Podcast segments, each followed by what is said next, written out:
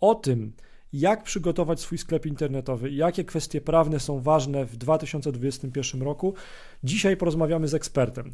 E, zawsze w tym naszym podcaście Mistrzowie e-commerce staramy się znaleźć dla Ciebie, słuchaczu, albo e, właścicieli sklepów internetowych, praktyków, prawdziwych ludzi, którzy sprzedają w internecie, albo ekspertów, którzy pomagają sklepom internetowym właśnie w zaistnieniu w sieci. I dzisiaj też specjalnie dla Was Jakub Cieślicki z e, Cieślicki i wspólnicy Kancelaria Prawna pomoże nam odpowiedzieć na to pytanie, e, jak przygotować się od strony prawnej, prowadząc sklep internetowy w 2021 roku. Cześć Jakub, dzień dobry. Cześć, cześć, dzień dobry, dzień, no i dzień dobry słuchającym. Dzięki bardzo, że znalazłeś e, czas na początku nowego roku. To, to jest czas też taki podsumowań, dobrych pomysłów na przyszły rok, ale też, no właśnie, inicjatyw, zobowiązań, czy też, e, czy też postanowień noworocznych. No i teraz chciałbym, żebyśmy dzisiaj porozmawiali o tym, ja też będę wchodził w skórę takiego właśnie właściciela sklepu internetowego. Chciałbym, żebyśmy porozmawiali o tym, jak przygotować swój sklep internetowy e, od strony prawnej, właśnie w 2021 roku do tego, żeby funkcjonować w internecie, żeby z sukcesem, spokojnie, zgodnie z prawem e, sprzedawać e, w internecie. No i tak, może e, tak, tak zacznijmy od takich podstaw, czyli z Twojej perspektywy, no to co jest taką niezbędną prawną podstawą, żeby funkcjonować ze sklepem internetowym w tym roku? Co jest najważniejsze? Od czego powinienem zacząć? Z punktu widzenia e, sklepu internetowego, no to wiadomo, że przede wszystkim regulamin e, tego sklepu i polityka prywatności, czy też e, jakby szeroko rozumiany dokument mówiący o tym, w jaki sposób są przetwarzane dane Twoich klientów. Natomiast przede wszystkim regulamin, który będzie regulował to, w jaki sposób ten sklep będzie działał. Że to jest takiego rodzaju szeroka informacja na temat tego, w jaki sposób sklep funkcjonuje i jak, mówiąc kolokwialnie, robi się tam zakupy. Okej, okay, okej. Okay. No i teraz tak, taki dokument no to wiesz, to dla, dla mnie osoby, która raczej się skupia bardziej, wiesz, na biznesie, na marketingu, na sprzedaży, no to tworzenie takiego dokumentu, no to może być ból i męka i, i raczej nie chciałbym inwestować dużo swojego czasu w ten temat. To czy ja mogę na kogoś to zrzucić? Chyba powinienem na kogoś to zrzucić, stworzenie tych dokumentów. Generalnie tak, to się, tak bym zalecał, bo jakkolwiek w, w internecie, który jest pełen wszelkiego rodzaju informacji, znajdziesz źródła jakichś takich szablonowych regulaminów, które stosowane są do wszystkich i do nikogo, to jednak mimo wszystko nie ma to charakteru indywidualnego, więc, więc jakby uwzględniając to, że jednak Twoim zadaniem jest sprzedawać, a nie e, zajmować się tą sferą e, dookoła sprzedażową, tak to nazwijmy. Tak. O tyle wydaje się rozsądniejsze przekazanie tego specjalistom po to, żeby dostosowali ten regulamin rzeczywiście do Twojego sklepu, żeby to był regulamin Twojego sklepu, a nie regulamin wzorcowy, bo trochę to jest tak, że ze wzorcowym możesz mieć za długie rękawy w koszuli albo za krótkie spodnie, w związku z tym mimo wszystko zalecałbym dostosowanie, no i tu oczywiście polecam usługi kancelarii, w związku z tym Ważny jest ten dokument o tyle i trzeba się nad nim pochylić, że tak jak mówiłem, on programuje funkcjonowanie sklepu, więc w istocie trzeba pamiętać o jednej rzeczy. To nie jest tak, że sklep powinien się dostosować do jakiegoś regulaminu. Oczywiście w znacznej części ten regulamin jest kreowany przez przepisy prawa, to znaczy one mówią, jakie są obowiązki sklepu, no i w tym zakresie sklep wyjścia nie ma, natomiast co do samej procedury jego funkcjonowania, no to to ma być szyte pod sklep, więc jeżeli takie są opcje w Twoim sklepie, to takie powinny być w regulaminie. Okay, czyli tak naprawdę to nie jest tak, czy też nie powinno być tak, że ja sobie samodzielnie biorę jakiś tam wzór i go według swojego pomysłu przerabiam, tylko po prostu powinienem usiąść, czy też zlecić to, mm, e, opisać e, na przykład e, jakiejś kancelarii albo jakiemuś podmiotowi eksperckiemu, podesłać link na przykład do sklepu, tak żeby, żeby ten ekspert, ten adwokat mógł, prawnik mógł sprawdzić, jaki to jest asortyment, co ja w ogóle sprzedaję i tak dalej.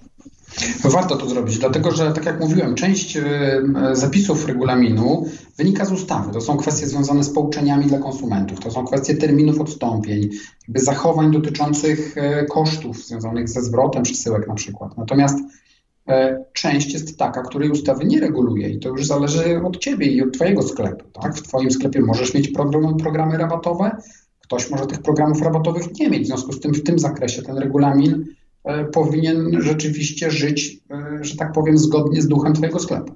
Okej, okay, no dobrze, no to jakby mamy bazę, mamy podstawę. Powiedzmy, że już mamy ten, ten, ten regulamin stworzony, politykę prywatności. No natomiast tak, jak ja przygotowywałem się do, do tej naszej rozmowy dzisiejszej, no to uzmysłowiłem sobie, że mm, z tego co wiem, pewnie więcej zaszło ważnych zmian, ale ja zauważyłem dwie zmiany, które mogą dotykać e, przedsiębiorców e, z, z tamtego roku versus ten rok. No i na pewno taką zmianą jest, jest Brexit, ale to zostawmy, no bo raczej jakby skupmy się na przedsiębiorcach, którzy działają w Polsce, no jakby wysyłają e, do Polski i na terenie Unii Europejskiej. Natomiast na pewno weszły zmiany związane z prawem konsumenckim i, i może od tej strony byśmy e, wytłumaczyli, co się zmieniło w, w porównaniu do tamtego roku dla takiego właściciela sklepu internetowego? E, tak mówiąc w największym skrócie, doszedł nowy klient. O, a, znaczy, jakich, a jakich mieliśmy już, dotychczas? Już mówię, no do tej pory w sklepach funkcjonowały zgodnie z przepisami dwa e, rodzaje klientów, jeżeli tak w ogóle można podzielić klientów. To znaczy byli konsumenci i byli przedsiębiorcy. I w stosunku do konsumentów przepisy określały e, i ustalały poziom ochrony przewidziany dla konsumentów, i to był ten szczególny e, poziom ochrony. Natomiast e, w relacji do przedsiębiorców rynek był jak przysłowiowy dziki zachód i funkcjonowała tu zupełnie w, pełnym, w pełnej skali zasada swobody zawierania umów. To znaczy, przedsiębiorca w stosunku do przedsiębiorcy mógł poruszać się z pełną swobodą, natomiast w stosunku do konsumentów tej swobody nie miał, bo ustawodawca decydował za niego, w jaki sposób ta relacja z konsumentem ma wyglądać. Stąd ochrona konsumenta. Natomiast dzisiaj mamy do czynienia już od 1 stycznia z trzecią kategorią klientów, którzy e, i to jest tak naprawdę jakby częściowe wyłączenie e, przedsiębiorców. To znaczy, to nie jest tak, że część przedsiębiorców nagle stała się konsumentami. E, to nie jest też tak, że część konsumentów stała się przedsiębiorcami. Nie, ustawodawca doszedł do wniosku, który w sumie jak się nad tym zastanowić jest dosyć logiczne i, i, i stwierdzić coś takiego, że mamy grupę osób, które prowadzą jednoosobową działalność gospodarczą. Są to przedsiębiorcy, no ale to nie ma charakteru, ta ich działalność gospodarcza nie ma charakteru e, poli, e, pełnego. To znaczy, to nie jest tak, że oni w każdej części swojego życia są przedsiębiorcami. Bo trzeba pamiętać o tym, że status przedsiębiorcy wiąże się z, niestety z pogorszeniem relacji prawnych. To znaczy, od przedsiębiorcy prawo wymaga więcej mówi, jesteś profesjonalistą, możesz więcej, umiesz więcej, albo, powi- albo co najmniej powinieneś tak. umieć, bo ja tego od ciebie wymagam. Tak? To jest zarówno jakby w zachowaniach rynkowych, to znaczy ty masz więcej widzieć, masz więcej przewidywać, jak i w świadczeniu, to znaczy od ciebie wymagamy profesjonalności, to znaczy ty świadczysz, to nie wystarczy, że ty będziesz po prostu się jakoś zachowywał, no ty masz się zachowywać profesjonalnie. No i ustawodawca mówi, no dobra, no ale jest grupa ludzi, którzy, nie wiem, jest facet albo facetka, która jest szewcem, ale przecież jak on kupuje komputer, to on się na tym nie zna. Okay. No I z jednej strony jest przedsiębiorcą, no bo ma jakiś tam swój zakład szewski, ale nie ma pojęcia o komputerach. Teraz dlaczego, skoro on jest szewcem, to kupując komputer ma być traktowany jako profesjonalista? Przecież on się nie zna na komputerach. I na odwrót, tak? Jak ktoś kupuje komputer i jest profesjonalistą, bo sprzedaje komputery, no to przecież nie zna się na całym świecie i na wszystkim. I stąd ustawodawca wprowadził taką regułę, w której powiedział, jeżeli ci ludzie, którzy są, prowadzą te jednoosobowe działalności gospodarcze, będą dokonywali jakiegoś rodzaju zakupu, czy to usługi, czy rzeczy, ale to nie będzie dla nich ich czynność zawodowa, czyli ta ściśle związana z działalnością gospodarczą, to będą im przysługiwały pewne uprawnienia konsumentów. To nie jest tak, że oni będą konsumentami. Nie, pewne przepisy dotyczące konsumentów, czy jakby w pewnym zakresie ta ochrona konsumencka będzie tym ludziom również przysługiwała. Ciekawe. Natomiast to, to na pewno nie jest ułatwienie dla właściciela sklepu internetowego. Nie, zdecydowanie nie. Natomiast powiem szczerze tak. Mój ogląd sytuacji jest taki, że jakby te podstawowe e, obowiązki konsumenckie, czyli to jakby prawo do zwrotu, do odstąpienia od umowy w ciągu 14 dni, ja nie zauważam, żeby ono na rynku było problemem. Znaczy, polski e-commerce nie dostrzegam, żeby miał problem z tym, że musi zwrócić komuś towar w ciągu 4, pieniądze za towar w ciągu 14 dni, bo, bo klient mu odstąpił od umowy. No bo zwykle tak, tak się to działo pewnie w jakimś wąskim procencie przypadków dotychczas, prawda? Przy tych no więc e, jakby klientach ja nie Jan Kowalski. Tak. Tak, to znaczy tu się pojawiają jakiegoś rodzaju spory, ale bardziej na przykład z tego, że ktoś, nie wiem, traktuje tą instytucję w sposób niewłaściwy, czy nie wiem, oszukuje tego przedsiębiorcę, albo mu przetrzymuje rzecz, albo zwraca uszkodzoną. Tu, tu były problemy. Natomiast sam fakt tego, że trzeba oddać w zamian za zwrot rzeczy, nie był kwestionowany. I nagle się okazuje, że to tylko będzie dotyczyło szerszej grupy ludzi. W związku z czym myślę, to jest moja ocena, że przy dużych sklepach to rozróżnienie będzie po prostu y, automatyczne. To znaczy, duże sklepy według mnie przyjmą taką koncepcję, wszystkie osoby fizyczne będziemy traktowali jak konsumentów. Nieważne, czy on prowadzi biznes, czy nie, bo może się okazać, że ten koszt sprawdzenia, czy to jest zawodowa czynność, czy to nie jest zawodowa czynność, ustawodawca tu podpowiada, mówi sprawdź CIDG, tak? No ale umówmy się, to wymaga wejścia w internet, wklikania sobie NIP-u, poszukania, no to zjada czas, tak? I dla kogoś, kto prowadzi duży sklep, gdzie ma dużo transakcji, on musi teraz sprawdzić każdego, każdą osobę fizyczną, czy to rzeczywiście jest szewc, czy to nie jest szewc i tak to może mu się to nie opłacać. Dla niego może być prościej powiedzieć, wiecie co, to ja wolę wszystkim przyznać to prawo, bo mi to jest po prostu taniej.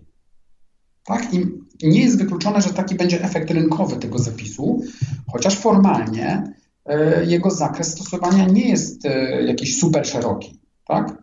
Natomiast e, no widzę, że to jest coś, co wymaga po prostu ze strony sklepu starań, bo sklep będzie musiał sprawdzić, porównać, popatrzeć, zastanowić się i to w miarę, jak to obserwuję, dosyć szybkiego życia biznesowego, może po prostu być trudne, zwłaszcza dla dużych, w sytuacji, kiedy jest duży wolumen obrotów. Okej, okay, czyli no, dotychczas czasami niektóre sklepy internetowe rozróżniały, czyli ja wchodząc do sklepu internetowego czasami mogłem e, sobie wybrać, czy na przykład chcę, no nie wiem, konto indywidualne zakładać, czy konto firmowe, tak? Zdarzają się takie sklepy. Tak jak zacząłem Ciebie słuchać na początku, to już sobie wyobraziłem faktycznie, że powstanie trzecia zakładka, nie wiem, JDG czy coś takiego.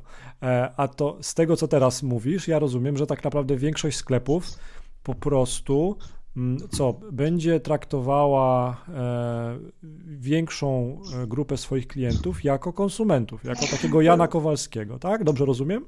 Tak przewiduję, bo tak może być prościej, bo oczywiście ta wersja, o której ty mówisz, czyli trzecie konto, jest jak najbardziej rozsądna i zasadna. To znaczy sklep może powiedzieć, ok, ja identyfikuję trzeci rodzaj kupującego e, i chciałbym, żeby on mi się wyróżniał, tak? Ale pamiętajmy o jednej rzeczy. Jak ja prowadzę jednoosobową działalność gospodarczą Jakub Cieślicki, no to ja jednego dnia kupię książkę, a drugiego dnia kupię książkę do firmy. No tak. I to by oznaczało, że ja muszę korzystać z dwóch kont w takim sklepie internetowym. No bo tą książkę do firmy, no to będę kupował jako ten taki półkonsument, nazwijmy go, a tą książkę dla siebie, no to będę kupował jako zwykły konsument. I teraz ja jako klient stojąc naprzeciwko takiego sklepu mówię, o, to ja muszę teraz dwa konta zakładać. No nie, no, no to, to ja idę gdzie indziej. Tak? I może być, że jakkolwiek prawo przyznaje tylko wąski zakres uprawnień, to faktycznie ze względu na prostotę obrotu i jakby dążenie do tego, żeby ten obrót był e, prosty, sklepy nie będą na to zwracały uwagi. Oczywiście dostosują dokumentację formalnie i tak dalej, tą regulaminową e, i tak dalej, natomiast w faktycznym obrocie z uwagi na to, że może to być niewielka skala dla nich tych realizacji tych uprawnień nowych, których wcześniej nie było, mogą po prostu przejść nad tym do porządku dziennego i traktować wszystkich jak konsumentów, bo będzie im to się zwyczajnie opłacało. Bo weryfikacja będzie po prostu droższa, nie? albo będzie powodowała jakiegoś rodzaju zaburzenia w organizacji. Okej, okay, no czyli pewnie lepiej jest założyć, że e, procent zwrotów reklamacji będzie taki sam, tak? E, liczba ogólna będzie może trochę większa, no bo, no bo e, dojdzie jakaś pula klientów. E, mhm. Zamiast tworzyć dodatkowe weryfikacje NIP-ów, systemy sprawdzające, obliczające i spowalniające proces zamówienia. Tak, bo pamiętajmy o tym, że ustawa mówi o zawodowych czynnościach, więc tu jakby nie wystarczy nazwa przedsiębiorstwa my musimy poszukać tej zawodowej relacji, tak? Bo wyobraźmy sobie, ja prowadzę, jestem partnerem w kancelarii prawnej i teraz pewne książki mi się przydadzą, ale mi się też przydadzą w firmie na przykład słowniki języka polskiego, które kupujemy. Ale popatrz, teraz... to, to, to jest mhm. już nie, żebym krytykował, krytykował ustawodawcę, ale to, to takie jest przerzucanie trochę odpowiedzialności na sklep internetowy, a czy nie można by po prostu deklaratywnie dać możliwość wybrania jakiegoś e, jakiejś informacji, nie wiem, jakiej informacji na liście na przykład przez klienta, to przecież to by upraszczało bardzo cały proces. Ale to oczywiście, że tak można. Przy czym to jest to, o czym rozmawiamy, czyli jakby y, recepcja przepisów w praktyce. Mhm. Bo ustawodawca przewidział idealny stan, że jakby ktoś w sklepie siedzi i mówi, dobrze, sprawdzę twój CIDG.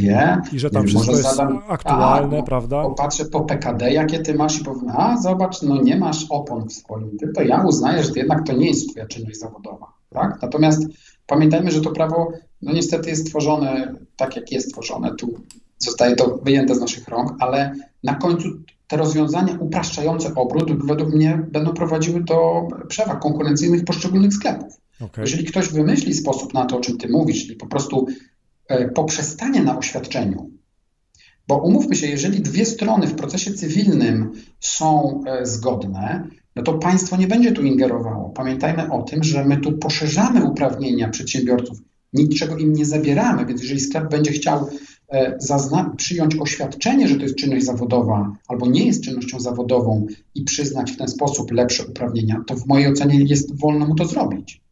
To jest tak jak z ochroną konsumentów. Można bardziej chronić konsumentów niż oni mają e, zapisane w ustawie. To są standardy, tylko to są przepisy, które blokują zejście poniżej. Można dać dłuższe terminy, jeżeli się w umowie z kimś uzgodni w ten sposób zawierany. Tak? Więc okay. tutaj sklepy według mnie będą bezpieczne, mówiąc, złóż mi oświadczenie. Jak ty mi oświadczysz, że to nie jest czynność zawodowa, to ja to tak będę honorował. To znaczy, będę ci przyznawał prawa, które w takiej sytuacji daje ci ustawa. Okej, okay. Okay. Tak? I to według mnie będzie budowało przewagę konkurencyjną sklepu, bo on po prostu będzie prostszy formalnie.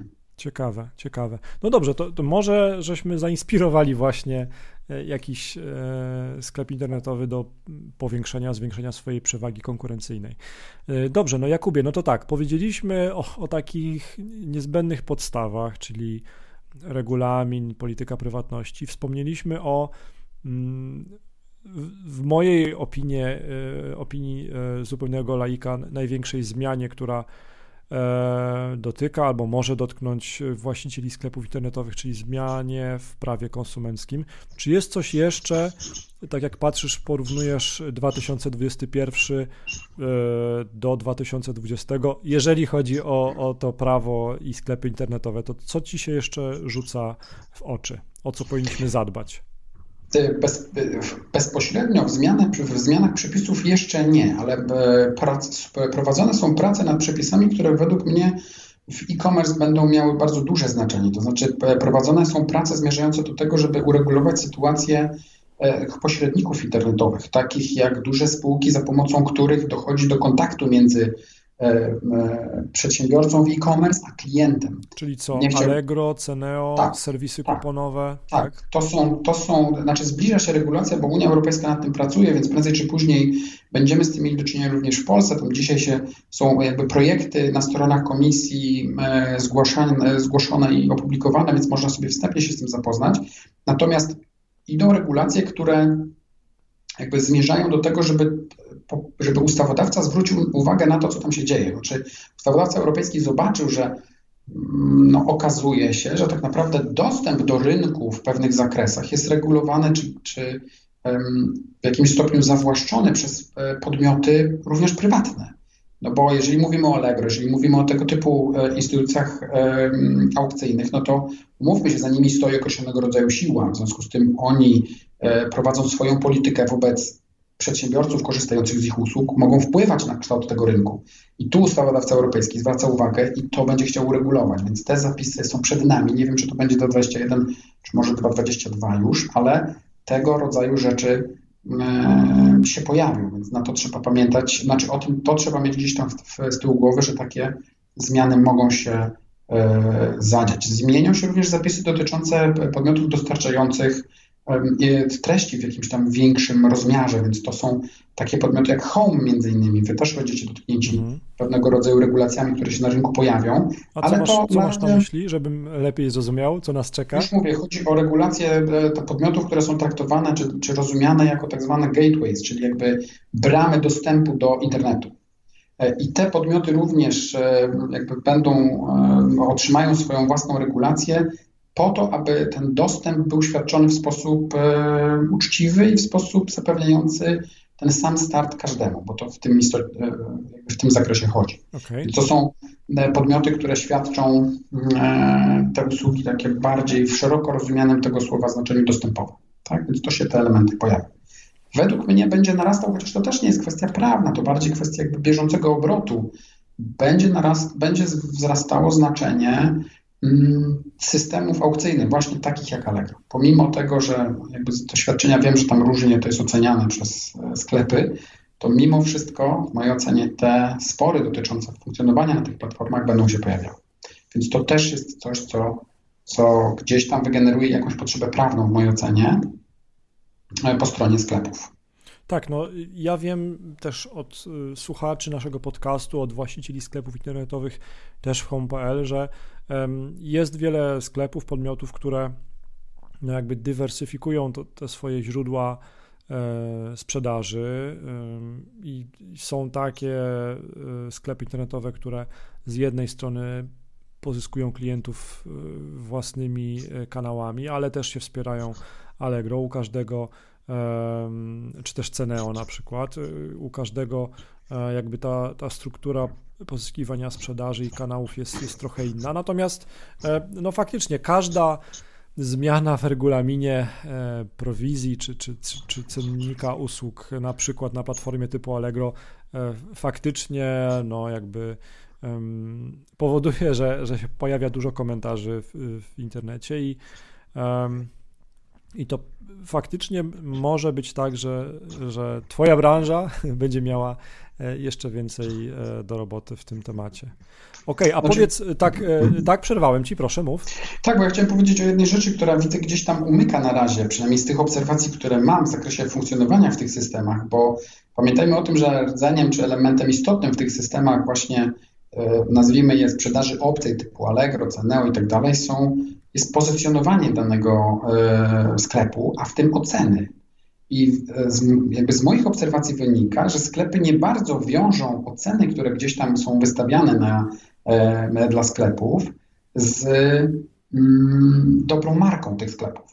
Znaczy, pamiętajmy o tym, że takie informacje do mnie docierają, że oceny często są przez konsumentów traktowane jako pewnego rodzaju wytrych albo forma nacisku na sklep pod tytułem no, albo zrobicie taki tak, albo ja wam tu wstawię negatywy. Mhm. Nie? I pamiętajmy o tym, że jakby sklep nie jest tu bezbronny, że zarówno w regulaminach tych wszystkich podmiotów, jak i e, w e, jakby ogólnie rozumianym prawie cywilnym, no sklep ma prawo do dobrej renomy, więc jeżeli to przybiera taką postać, gdzie ta ocena w ramach jakiegoś systemu funkcjonowania sklepu ma mieć charakter niezgodny z rzeczywistością, to sklep ma pełne prawo podejmować e, działania, które będą zmierzały do tego, żeby tę ocenę usunąć z tego systemu i żeby sklep został E, jakby z dobrym imieniem, bez naruszeń, więc to, to jest jedna rzecz. I druga rzecz, mam też taką obserwację, takie wrażenie i chciałbym, żeby to się zmieniło, że sklepy internetowe trochę się czują jako słabsze w relacji z dużymi podmiotami, typu Allegro, typu Ceneo i tak dalej. Natomiast pamiętajmy o jednej rzeczy, że trochę jest tak, że duże podmioty funkcjonują w oparciu o bardzo takie technokratyczne regulaminy, z których trzeba się po prostu nauczyć i wiedzieć i, i pisać. I często sklep nie ma czasu pisać. I od tego jesteśmy my, żeby pisać za sklep. Więc tu jakby trzymam za siebie kciuki i za branżę, żeby sklepy zwróciły uwagę na to, że w sumie niewielkim kosztem i niewielkim wysiłkiem można uzyskać e, wyniki, których no, nie ma na co dzień, e, bo nie podejmuje się pewnych działań, nie pisze się pism, nie wzywa się i tak. Krótko mówiąc, jeżeli jesteśmy pewni, że nie zrobiliśmy nic złego, ba, albo nawet, że dobrze robimy swoją usługę, że dobrze realizujemy swoje działania jako sklep internetowy, to warto zawalczyć o swoje, o swoje dobre imię. Bezwzględnie, tym bardziej, że tak naprawdę marka jest wartością. No, umówmy się, że budowanie marki jest wartością, bo, bo po niej później jesteśmy oceniani, a nie musi to się kończyć jakiegoś rodzaju skomplikowanymi procesami sądowymi czy bataliami sądowymi. No to może się skończyć na krótkich dwóch pismach i i w, w, sytuacji takiej, z którymi ja miałem do czynienia, gdzie te zarzuty były rzeczywiście znikąd albo były takim no, ewidentnym wymuszeniem jakiegoś rodzaju działania, to ludzie odstępują od tego. To tutaj nie potrzeba nie wiadomo jakiego rodzaju armat wyciągać, żeby, e, żeby to dobre imię zachować. Okej, okay, okej. Okay. No to są, to są ważne i ciekawe rzeczy, o których wspominasz. Popatrz, nie, nie przyszłoby mi do głowy, że, no, że czasami trzeba by zawalczyć jako właściciel sklepu na przykład właśnie z e, nieuczciwym e, klientem, konsumentem. Zawsze zawsze się myśli, że bardziej to działa w tą drugą stronę, a to też wiele mówi chyba o, o, o właśnie o, no, o sposobie myślenia większej części społeczeństwa, że to ten e, właściciel sklepu, prywaciarz niedobry, e, na pewno chce mnie oszukać. A okazuje się, że tak jak mówisz, nikt nie jest bez winy. O, może tak. Może. Znaczy, tu się z Tobą zgadzam, oczywiście, natomiast wiadomo, klient ma zawsze rację i to tak, jest mantra biznesu, natomiast czasami nie ma i jakby to życie pisze różne scenariusze i oczywiście y, zdarzali mi się klienci, którzy byli bardzo rygorystyczni i po jakimś czasie odstępowali od tego, mówiąc, że y, dostali informację, że są bardzo rygorystyczni i już nie chcą mieć takiego wizerunku, w związku z tym trochę tam jakby ulgi swoim kontrahentom y, dawali. Natomiast Mam takie wrażenie, że czasami rzeczywiście e, sklep boi się zareagować w jakiś sposób bardziej stanowczy, bo nie chodzi o to też, żeby reagować w jakiś sposób przesadzony albo niedostosowany do sytuacji, tyle tylko, żeby po prostu zareagować, bo to czasami w niektórych sytuacjach one są naprawdę skrajne. Nie? Jasne, jasne. Jakub, to powiem e, tak, ja jeszcze na pewno chciałbym podpytać o jedną rzecz. Nie wiem, czy w tym temacie się coś będzie działo, no ale jakby mm, Moje to takie e, nakierowanie na marketing i na, zwłaszcza na marketing rozliczany za efekt i, i content marketing cały czas e, powoduje, że no z niepokojem trochę zerkam w stronę e, regulacji, które się pojawiają co jakiś czas, jeżeli chodzi właśnie o no z jednej strony ochronę prywatności w sieci, z drugiej strony jeżeli chodzi o możliwości mierzenia działań marketingowych, tak skrajnie to nazywając śledzenie użytkownika i tak dalej. I teraz od jednej strony mamy jakiś czas temu pojawił się obowiązek informowania na każdej stronie, jeżeli użytkownik wchodzi na tą stronę, że tam twoje dane są wykorzystywane do tego i tego, zaakceptuj to, kliknij tak, albo kliknij krzyżyk, albo wyjdź z tej strony, jeżeli tego nie akceptujesz. I z tym się już trochę tak przyzwyczailiśmy się do tego, do tych takich ramek na dole o informacji o cookiesach, tak? O ciasteczkach. Powiedz, czy coś nas czeka niepokojącego, nas jako właścicieli sklepów internetowych, albo inaczej, nas jako ludzi, przedsiębiorców, którzy chcą skutecznie robić swój marketing i skutecznie pozyskiwać nowych klientów. Czy coś nas czeka w temacie właśnie takich ciasteczek, chronienia prywatności w internecie i, i tym, tym, podobnych tematów? Wiesz co, na chwilę obecną są informacje o tym, że się ma zmieniać prawo e, internetu, natomiast czy tak szeroko rozumiane prawo internetu, ale ciężko jest e, wypowiadać się cokolwiek e, na etapie, kiedy te prace są prowadzone. Czyli za wcześnie jeszcze. Według mnie tak, to znaczy na pewno po RODO nie będzie takiej sytuacji jak z RODO, gdzie zorientowaliśmy się, że ono wchodzi dwa, lata, dwa lata po tym, jak zostało opublikowane. To dzisiaj już jesteśmy w innym miejscu i jakby tego rodzaju sytuacji nie będzie. Myślę, że Ale ta informacja to, myślę, od razu. Wszy, mhm. wszystkim, e, wszystkim myślę, że pomimo całego bólu, całego cierpienia, mhm, mhm, myślę, że wszystkim zainteresowanym tak naprawdę to RODO zrobiło dobrze, no bo e, wiele branż się sprofesjonalizowało, tak? Konsumenci, myślę, też się stali troszkę bardziej świadomi i nawet ja patrzę po sobie już w tej chwili, jak jakiś telemarketer do mnie dzwoni, to już mam, mam przygotowane e, argumenty w zanadrzu i bardzo często telemarketer e, rozłącza się błyskawicznie, jak ja zadaję jedno kluczowe pytanie, więc, więc patrząc od tej strony, to był na pewno bolesny proces dla wielu przedsiębiorstw, tam było na pewno dużo godzin e, e, spalonych w cudzysłowie, czy to w działach IT, czy w działach prawnych, czy w marketingowych, ale myślę, że, że, że to, to był chyba dobry krok w, w dobrą stronę. Ja powiem tak. E, RODO jest elementem cyfrowej gospodarki, w którą zaczęliśmy albo w której jesteśmy. I w mojej ocenie nie ma odwrotu od tego, o czym Ty mówisz, czyli od analizy naszych zachowań w sieci. Mhm. E, to jest elementem sieci jako takiej i według mnie mm, byłoby nierozsądnym, gdyby biznes od tych danych odciąć. Dzisiaj są formułowane takie teorie, że dane są ropą XXI wieku i będą miały takie znaczenie dla rozwoju gospodarki i trudno się z tym e, nie zgodzić, e, patrząc na to, w jakim kierunku idzie rozwój usług internetowych. Zwróćmy uwagę, że wszędzie jest albo początek, albo w większym bądź mniejszym stopniu zaawansowana sztuczna inteligencja. Ona wymaga danych, więc i te dane są, jest łatwość w ich zbieraniu, w związku z tym, że to wszystko dzieje się e, w drodze maszyn. Więc według mnie, tak szczerze mówiąc, te regulacje się pojawią, e, będą dotyczyły świadomego przetwarzania tych danych, czyli ten kanon, który jest w RODO, według mnie nie ulegnie zmianie.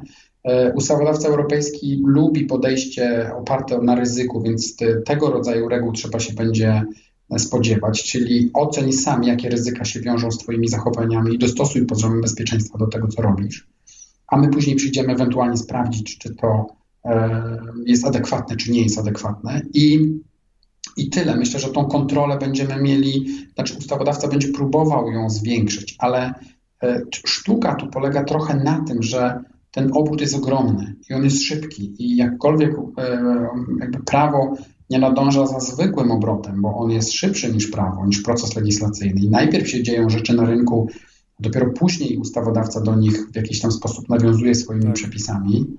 O tyle obrót w, w sieci jest obrotem tysiąckrot szybszym. Tam są ogromne ilości informacji, e, nad którymi trzeba sprawować kontrolę, która często jest niemożliwa do realizacji ze względów czysto fizycznych. Tak? Jeżeli popatrzymy sobie, jaki wolumen danych jest wrzucany na serwisy YouTube na przykład. Codziennie e, albo co minutę, co, tak. Albo co minutę, to musimy sobie wyobrazić, jak wielką skalę kontroli to przedsiębiorstwo musi e, zaprowadzić, żeby mieć na to wpływ.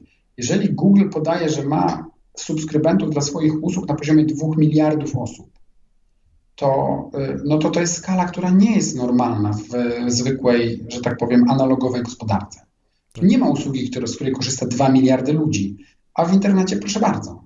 I jakby te rozwiązania, które będą zmierzały w tym kierunku, według mnie będą w jakimś stopniu ograniczały mm, te narzędzia marketingowe, bo też umówmy się, że pomysłowość e, i zdolności analityczne systemów e, rozwijane są w stopniu niebywałym. W związku z tym prawda też jest taka, że istnieje możliwość tak dalekiego zbadania człowieka, że pojawiają się głosy co do tego, czy w ogóle to powinno mieć miejsce, w sensie, czy to rzeczywiście chcemy, żeby tak bardzo maszyny były w stanie nas śledzić, a śledzą no, nas do próbów. Maszyny jak maszyny jest takie y, fajne, mądre poniekąd zdanie, że to marketerzy wszystko psują i rujnują. Marketers y, ruin everything.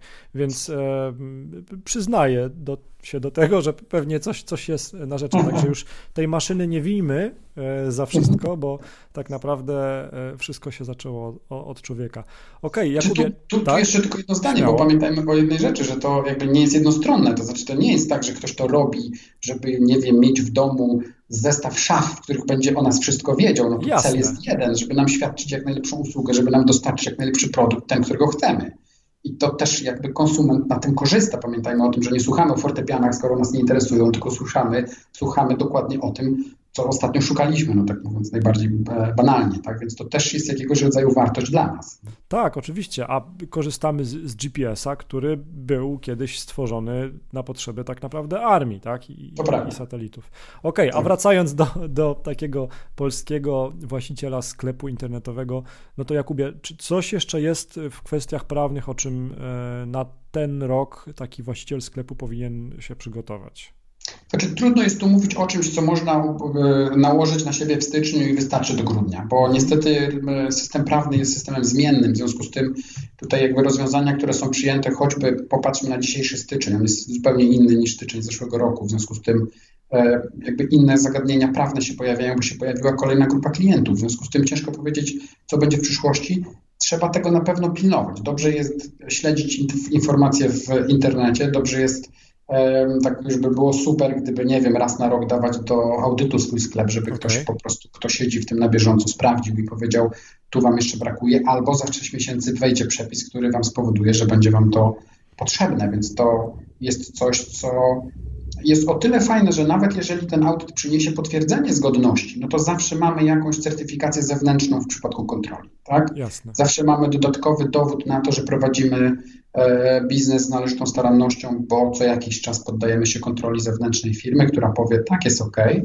No i dodatkowo pamiętajmy o tym, że to nam jakiegoś rodzaju daje ochronę, bo zawsze możemy powiedzieć tej firmie, słuchajcie, ale wreszcie mi dali zielone światło, a potem przyszedł ktoś i powiedział, że nie było zielono, więc porozmawiajmy o tym, co, co teraz. Tak? Jasne, jest, jasne. Z punktu widzenia sklepu bezpieczne. Okej, okay. Jakubie, to gdyby ktoś chciał e, szukać właśnie wsparcia u Ciebie, to gdzie powinien szukać? Przede wszystkim zapraszam na cieślicki.com, bo tam znajdują się dane kontaktowe do nas. Do końca stycznia mamy zamiar uruchomić sklep internetowy, w którym już w ogóle wszystko będzie można bezpośrednio kupić, zarówno audyty, jak i kontrolę, jak i obsługę prawną godzinową, w zależności od tego, jak, e, jakie jest zapotrzebowanie w danej jednostce, więc na chwilę obecną na cieślicki.com zapraszam serdecznie. Okej, okay. no tam na pewno w tym sklepie internetowym regulamin i polityka prywatności na pewno będą, e, będą prawidłowe. Jeszcze się zastanawiamy, czy one tam będą, bo to jest taki trochę jakby maszyna do golenia twarzy, tak? Ja to zawsze mówię klientom w ten sposób, że to jest tak z takim regulaminem jest jak z maszyną do golenia twarzy, nie? Jak sprzedawał człowiek maszynę do golenia twarzy, podchodzi drugi i mówi, proszę pana, ale co to za maszyna do golenia twarzy, jak każdy ma inną twarz. No tak. A na temu sprzedawca mówi, no ale tylko do pierwszego golenia, proszę pana. Hmm. Więc, więc y, bije się z myślami, czy to oferować, czy nie, bo jednak jest to jakiegoś rodzaju połowa usługi, tylko mimo wszystko. Tak, ja, ja mam na myśli ten wasz e, regulamin e, waszego sklepu. A, e, a ten, a to no, myślę, właśnie. że tak, tutaj też się poddamy jakiegoś, jakiemuś audytowi na wszelki wypadek, żeby mieć skwitowanie kogoś trzeciego. Okej, okay, no to trzymam, trzymam kciuki za start sklepu internetowego. Nie dziękuję, żeby nie zapeszyć. I wszystkiego dobrego w nowym roku życzę, żeby nie był gorszy od poprzedniego. Moim, moim i waszym gościem był Jakub Cieślicki z Cieślicki i Wspólnicy Kancelaria Prawna. E, dziękuję za twój czas, Jakub. Do usłyszenia. Dziękuję ślicznie. Do usłyszenia.